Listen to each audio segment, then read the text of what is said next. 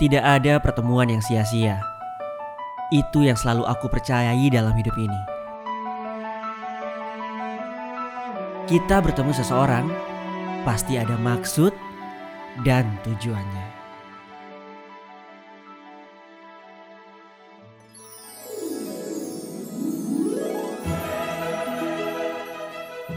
Perkenalkan, namaku Nando Satria Wijaya. Tapi teman-temanku sering memanggilku Acil. Mungkin karena badanku yang kecil kali ya. Saat ini aku duduk di bangku kelas 3 SMA. Banyak yang bilang masa SMA adalah masa yang paling indah. Kita bertemu dengan orang yang kita suka untuk pertama kalinya. Bertemu teman-teman nongkrong yang sifatnya kadang kayak setan. Bahkan bertengkar karena menikung teman sendiri. Tapi menurutku masa SMA adalah masa peralihan peralihan dari diri kita yang masih anak-anak menuju diri kita yang lebih dewasa. Pertemanan dan cinta adalah dua hal yang sangat melekat dengan seragam putih abu-abu ini.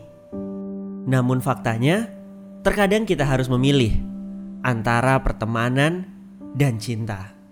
Memang kedua hal ini bisa saling berjalan beriringan.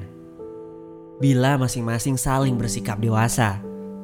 Namun karena menurutku masa SMA adalah masa peralihan, tentunya belum ada yang benar-benar dewasa.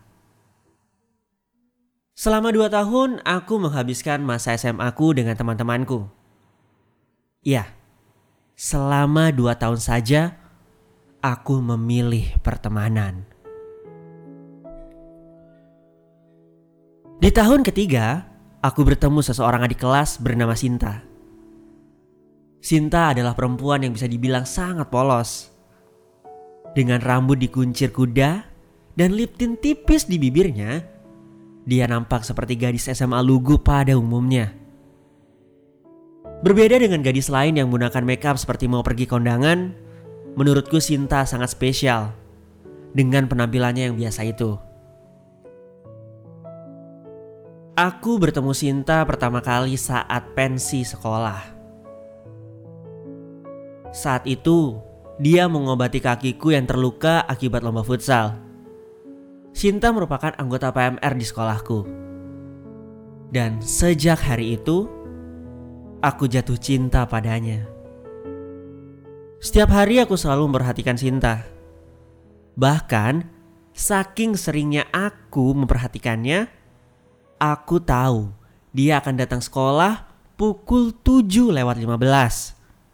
Dan kalau ke kantin, dia akan bersama dua orang temannya, yaitu Ria dan Ayu. Dan di kantin, Sinta akan memesan dua bakso besar dengan saus tomat dan sambal tanpa kecap dengan tambahan kol yang banyak. Tapi, itu hanya khusus hari Senin dan Selasa. Sedangkan hari Rabu sampai Jumat, Sinta akan memesan nasi goreng tanpa acar dengan telur dadar di atasnya. Mungkin memang terlihat seperti stalker ya. Tapi memang itu yang aku lakukan setiap hari.